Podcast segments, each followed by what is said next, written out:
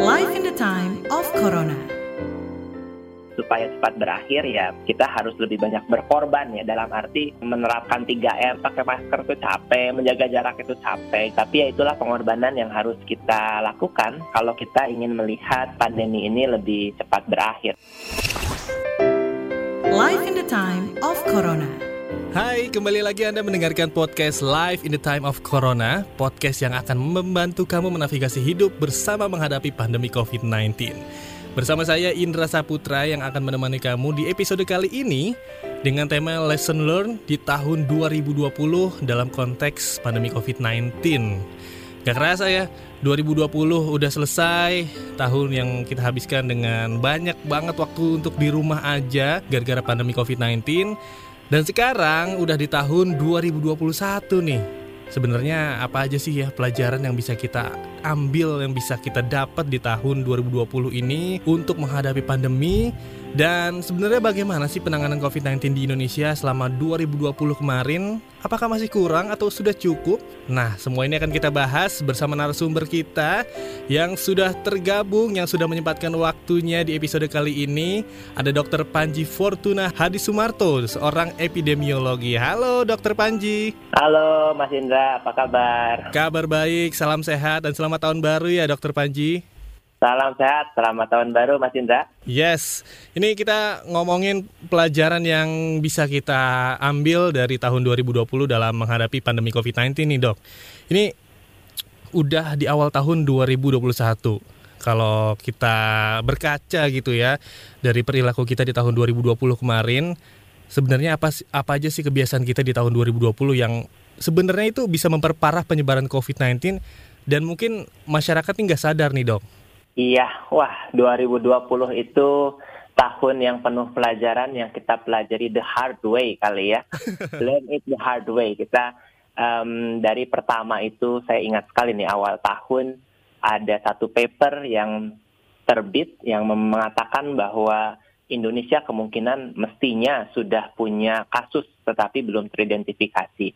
Dan ini disimpulkan dari jumlah orang yang masuk ke Indonesia dari penerbangan dari luar negeri begitu ya.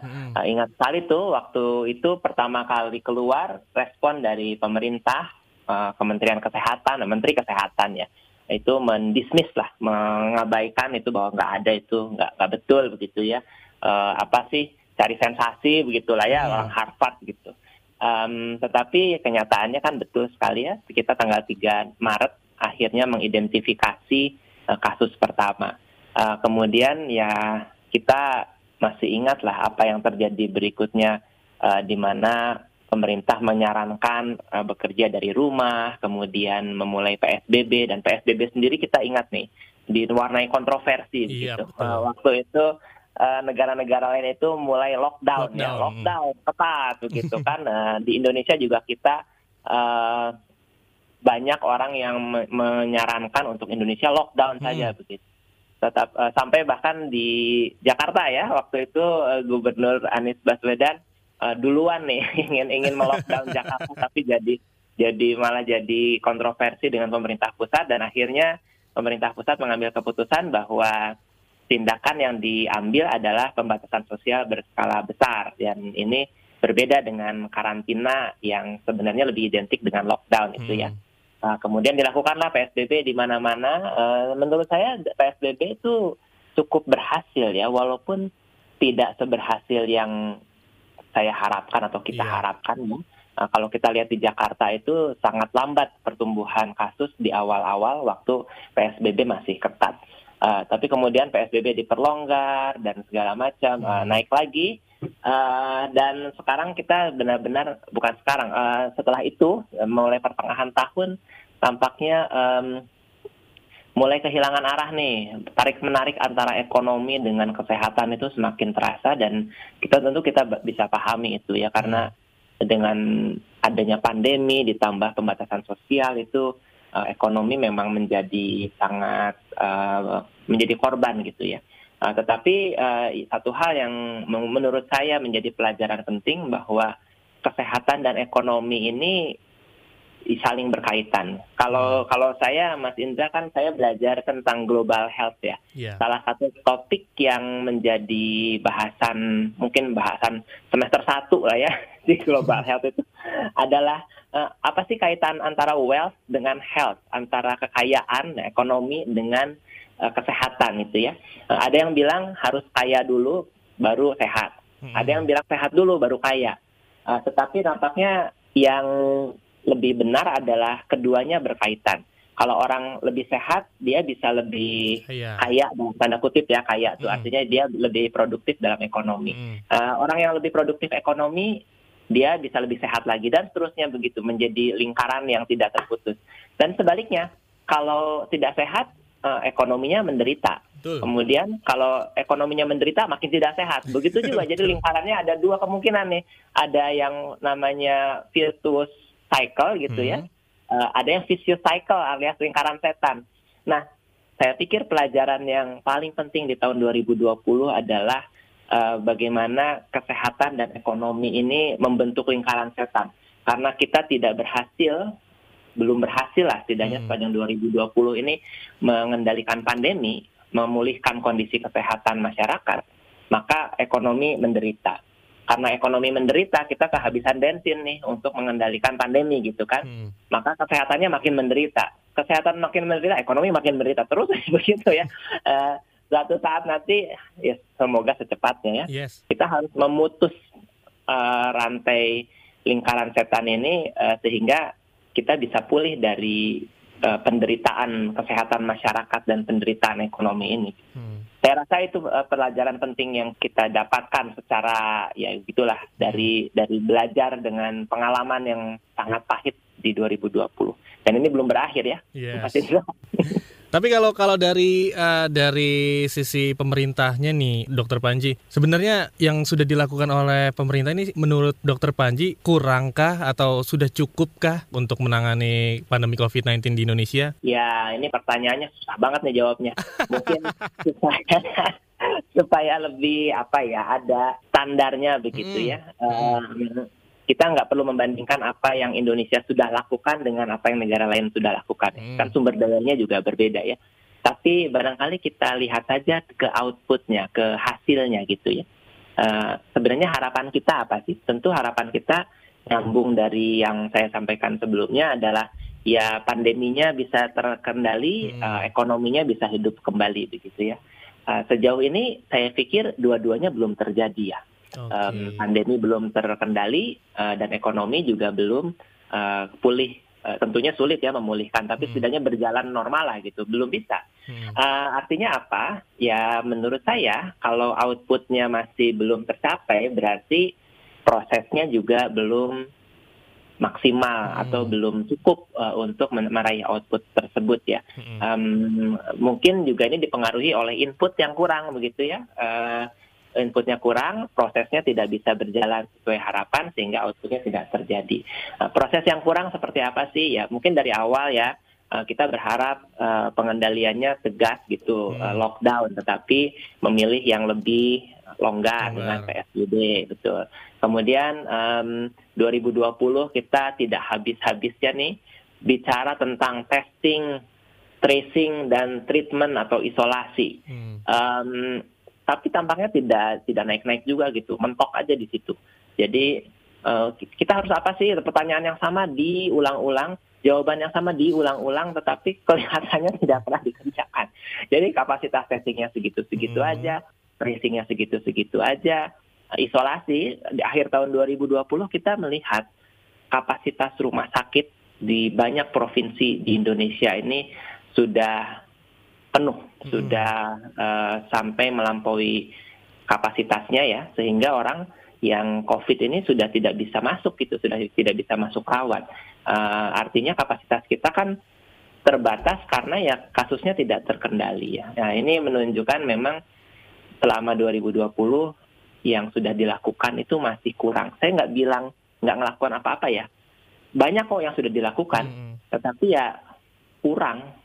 Mau bagaimana lagi ya? Nah, buktinya apa? Buktinya kasusnya masih banyak. Oke, nah makanya eh, pemerintah memutuskan atau menetapkan bahwa mulai tanggal 1 sampai 14 Januari 2021 nggak boleh ada nih dok warga negara asing yang boleh masuk ke Indonesia. Kalau uh, dokter melihat kebijakan ini bagus nggak dok atau gimana dok? Hmm, ya ini kan uh, kebijakan baru hmm. untuk merespon perkembangan baru ya, Mas yes. Indra ya, hmm. bahwa di Inggris itu ditemukan varian baru COVID, uh, bukan COVID itu sebenarnya nama penyakit ya, hmm. uh, nama virusnya kan SARS-CoV-2. Ya biar gampang lah varian baru COVID yang diduga itu lebih mudah ditularkan atau lebih mudah menular. Berarti bermutasi um, ya dok ya? Ya, ya. Uh, okay. Jadi yang terjadi adalah Inggris ini hebat sekali, Mas Indra. Hmm. Jadi mereka uh, sejak pertengahan tahun lalu itu membuat jejaring pemeriksaan virus ya, yang uh, bukan hanya PCR PCR yang kita sering dengar ini, yep. tetapi yang disebut dengan sequencing. Artinya dia seperti mengidentifikasi uh, apa namanya um, alur uh, rantai RNA virusnya begitu ya. Hmm. Jadi uh, bukan cuma dikenali ini virus apa tapi sampai dikenali sidik jarinya begitulah ya biar lebih lebih gampangnya sih. Uh, sejak pertengahan tahun lalu sampai sekarang mereka sudah mensequence istilahnya um, sekitar 150 ribu sampel. Uh, ini 150 ribu sampel itu sekitar 50 persen dari seluruh sampel yang disequence di seluruh dunia. Jadi luar biasa. Jadi kalau ada mutasi apa pun, pasti Inggris yang tahu duluan. Nah, ya. kebetulan ini bulan September kalau saya tidak salah ya, e, mereka mendeteksi ada mutasi yang mereka sebut atau kita sebut sebagai uh, apa namanya N501Y. Jadi hmm. posisinya ada di posisi 501 gitu. Uh, yang mutasi adalah dari N menjadi Y. Ini nama asam amino lah, nggak usah kita terlalu detail. Tapi intinya uh, yang mutasi ini terjadi di protein yang ada di duri-duri itu. Nah, karena virus coronavirus ini kan ada duri-duri yang uh-huh. digunakan virusnya untuk menempel hmm. ke sel manusia ya. Uh, nah, mutasinya terjadi di sana dan kebetulan mutasi ini sangat strategis dan menyebabkan virusnya jadi lebih lebih mudah nempel begitu, Mas hmm. Indra. Tapi lebih berbahaya nggak sih? Nah, uh, tergantung nih, Mbak, apa yang maksudnya bahaya gitu ya. Hmm. Kalau yang dugaan yang hampir bisa ditegakkan ini dia lebih mudah menular karena okay. ya itu tadi lebih mudah nempel ya, hmm. lebih mudah nempel. Kalau sebelumnya mungkin uh, virusnya masuk ke saluran nafas tapi nggak semuanya bisa nempel ke sel gitu ya, uh, sehingga jumlah yang nempelnya nggak banyak bisa dibersihkan oleh sistem imun. Tapi kalau ini lebih efektif menempel ke sel, jadi lebih banyak yang masuk ke sel sehingga dia lebih mudah menyerang tubuh uh, melawan sistem imun kita begitulah kasarnya ya hmm. uh, tetapi kalau dalam arti bahaya dia lebih berat sakitnya hmm. atau lebih menimbulkan kematian itu nampaknya sih belum ada data yang mendukung okay. ke arah sana gitu nah oke okay. kembali ke yang tadi Mas Indra eh, ditutup nih perbatasan hmm. nah jadi tujuannya mencegah masuknya varian baru tersebut dari luar negeri ya. Iya betul. Um, nah tentunya asumsinya ini asumsinya adalah varian baru ini belum ada di Indonesia. Hmm. Jadi kalau kalau ditutup total uh, kemudian di, ditambah dengan karantina ketat gitu ya bagi hmm. mereka yang masih boleh masuk karena WNI masih boleh masuk kan. Um, tentunya kebijakan ini bisa mencegah masuknya varian baru atau bahkan varian apa pun yeah. Iya. uh, COVID dari negara-negara yang dilarang masuk ini um, pada tanggal di mana kebijakan ini berlaku gitu ya. Hmm. Setelah tanggal 14 nggak tahu kalau dibuka lagi ya bisa masuk lagi. Iya, iya. tapi cukup nggak sih 14 hari dok? Menurut dokter ya, cukup nggak? 14 hari uh, masalahnya kembali sih tujuannya mau apa sih? Tentu hmm. dalam 14 hari, uh, maksud saya setelah 14 hari varian barunya nggak akan hilang. Betul juga ya. ya kan, nggak akan hilang. Apalagi kan ini diduga lebih ini nih, lebih diduga diduga lebih menular. Kalau hmm. di Inggris tuh dalam waktu satu bulan uh, tadinya hanya, hanya ditemukan di sekitar sepertiga sampel. Hmm. Akhir tahun lalu bulan Desember itu sudah ditemukan di dua per tiga sampel gitu. Artinya dia menjadi dominan ya. Nah, jadi kalau begitu ada kemungkinan besar dia tidak akan hilang. Dia malah mungkin jadi lebih banyak menyebar hmm. gitu ya. Jadi setelah tanggal 14 pun masih ada. Um, itu kalau, kalau menurut saya sih. Uh Berarti ya mudah-mudahan uh, meskipun 14 uh, boleh dibuka tapi tetap diperketat ya, Dok ya. pengawasannya Ya. ya. Mau Ya, mau warga Indonesia, mau warga asing juga harus diperketat sih harusnya. Betul. Jadi yang yang paling penting menurut saya nanti adalah ada dua hal ya. Hmm. Kalau di pintu masuk eh, adalah eh, prosedur karantina ya. Jadi em, sebaiknya sih semua orang yang masuk ke Indonesia bahkan antar wilayah pun kalau bisa diberlakukan ya karantina gitu. Jadi tidak boleh keluar masuk daerah begitu saja gitu. Jadi dia harus dikarantina 14 hari. Eh, dipastikan sebelum selesai karantina itu dia tidak membawa virus, ya, bebas virus. Hmm. Um, kemudian yang kedua, yang paling penting adalah kita memperkuat surveillance virologi kita, surveillance virologi dalam arti melakukan sequencing ya dari virus-virus yang beredar di Indonesia. Kenapa begitu? Karena mutasi ini, Mas Indra, tidak harus impor Hmm. virusnya, virus corona mau di Indonesia, mau di Inggris, mau di India, mau di mana pun, dia sama-sama virus RNA yang secara konstan bermutasi. Jadi eh, Indonesia sebenarnya nggak perlu menunggu importasi untuk ada virus yang bermutasi, nggak perlu. Bisa aja mutasi itu terjadi di Indonesia eh, dari virus yang beredar di Indonesia. Itu dan ini udah ini loh, udah terbukti ya eh, Hmm. bahwa eh, mutasi serupa ini, mutasi yang baru ini N501Y ini diidentifikasi di eh, Inggris dan di Afrika Selatan ya. Oke. Tetapi keduanya terpisah, artinya dia mutasi sendiri-sendiri aja Iya. yang di Inggris mutasi sendiri, yang di Afrika mutasi sendiri. Bukan karena penularan ya. Bukan karena dibawa Nah, dari dibawa Inggris ke dari Afrika Inggris ke Selatan, Afrika. bukan. ha, ha. Mm-mm. Oke, berarti Indonesia ada kemungkinan uh, mutasi virus ya, tapi mudah-mudahan sih enggak ya, jangan sampai terjadi ya. Kalau kalau gini, Mas Indra, kalau mutasinya pasti terjadi. Oke. Eh, karena kan virus tuh panjang gitu ya Hmm. eh, rantai RNA-nya. Tapi mutasi itu kan terjadi random karena dia si virus ini nggak punya. Jadi begini ceritanya kan virus itu kalau menular ke manusia dia masuk ke dalam sel ya, Hmm. masuk ke dalam menempel di sel, kemudian masuk ke sel manusia, kemudian di dalam sel dia memperbanyak diri, membuat salinan gitu ya. Nah, eh, virus RNA ini karakteristiknya adalah dia tuh waktu membuat salinan dia nggak punya fasilitas proofreader gitu, Hmm. Mas Indra. Jadi salinannya tuh nggak sama persis dengan aslinya. Ada typonya gitu, banyak typonya. Eh, ada yang kehapus, ada yang salah ketik gitu, ada yang tertukar segala macamnya. Eh, cuma kadang-kadang eh, eh, apa ya si typonya ini nggak harus bermakna gitu. Hmm. Jadi eh, tidak tidak fungsinya tidak berubah, fung- eh, virusnya nggak nggak jadi lebih ganas. Pokoknya dia nggak nggak bermakna apa pun gitu ya. Eh, tapi bisa juga mutasinya bermakna ya Hmm. bisa juga sih melemahkan virusnya tapi di lain pihak bisa juga membuat virus virusnya lebih ganas dan ini kita nggak tahu kapan terjadinya di mana terjadinya random aja gitu Hmm. random aja.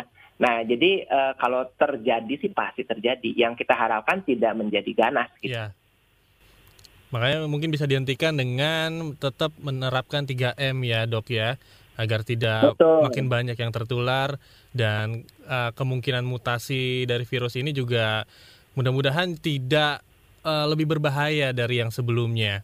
Nah, Ya. kalau tadi kan kebijakan pemerintah untuk menutup pintu dari WNA yang akan masuk di awal Januari ini.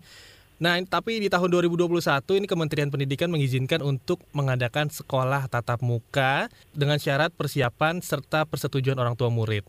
Nih kalau dari hasil survei yang dilakukan KPAI, ini mengatakan 78,17 persen siswa setuju sekolah tatap muka kembali. Padahal kan kasus COVID ini terus Mhm. meningkat nih sampai sekarang juga tetap meningkat bahkan ada kemungkinan akan muncul varian baru nih. Tapi DPR juga mengusulkan penundaan sekolah tatap muka. Menurut Dokter Panji, kebijakan yang mana yang lebih baik?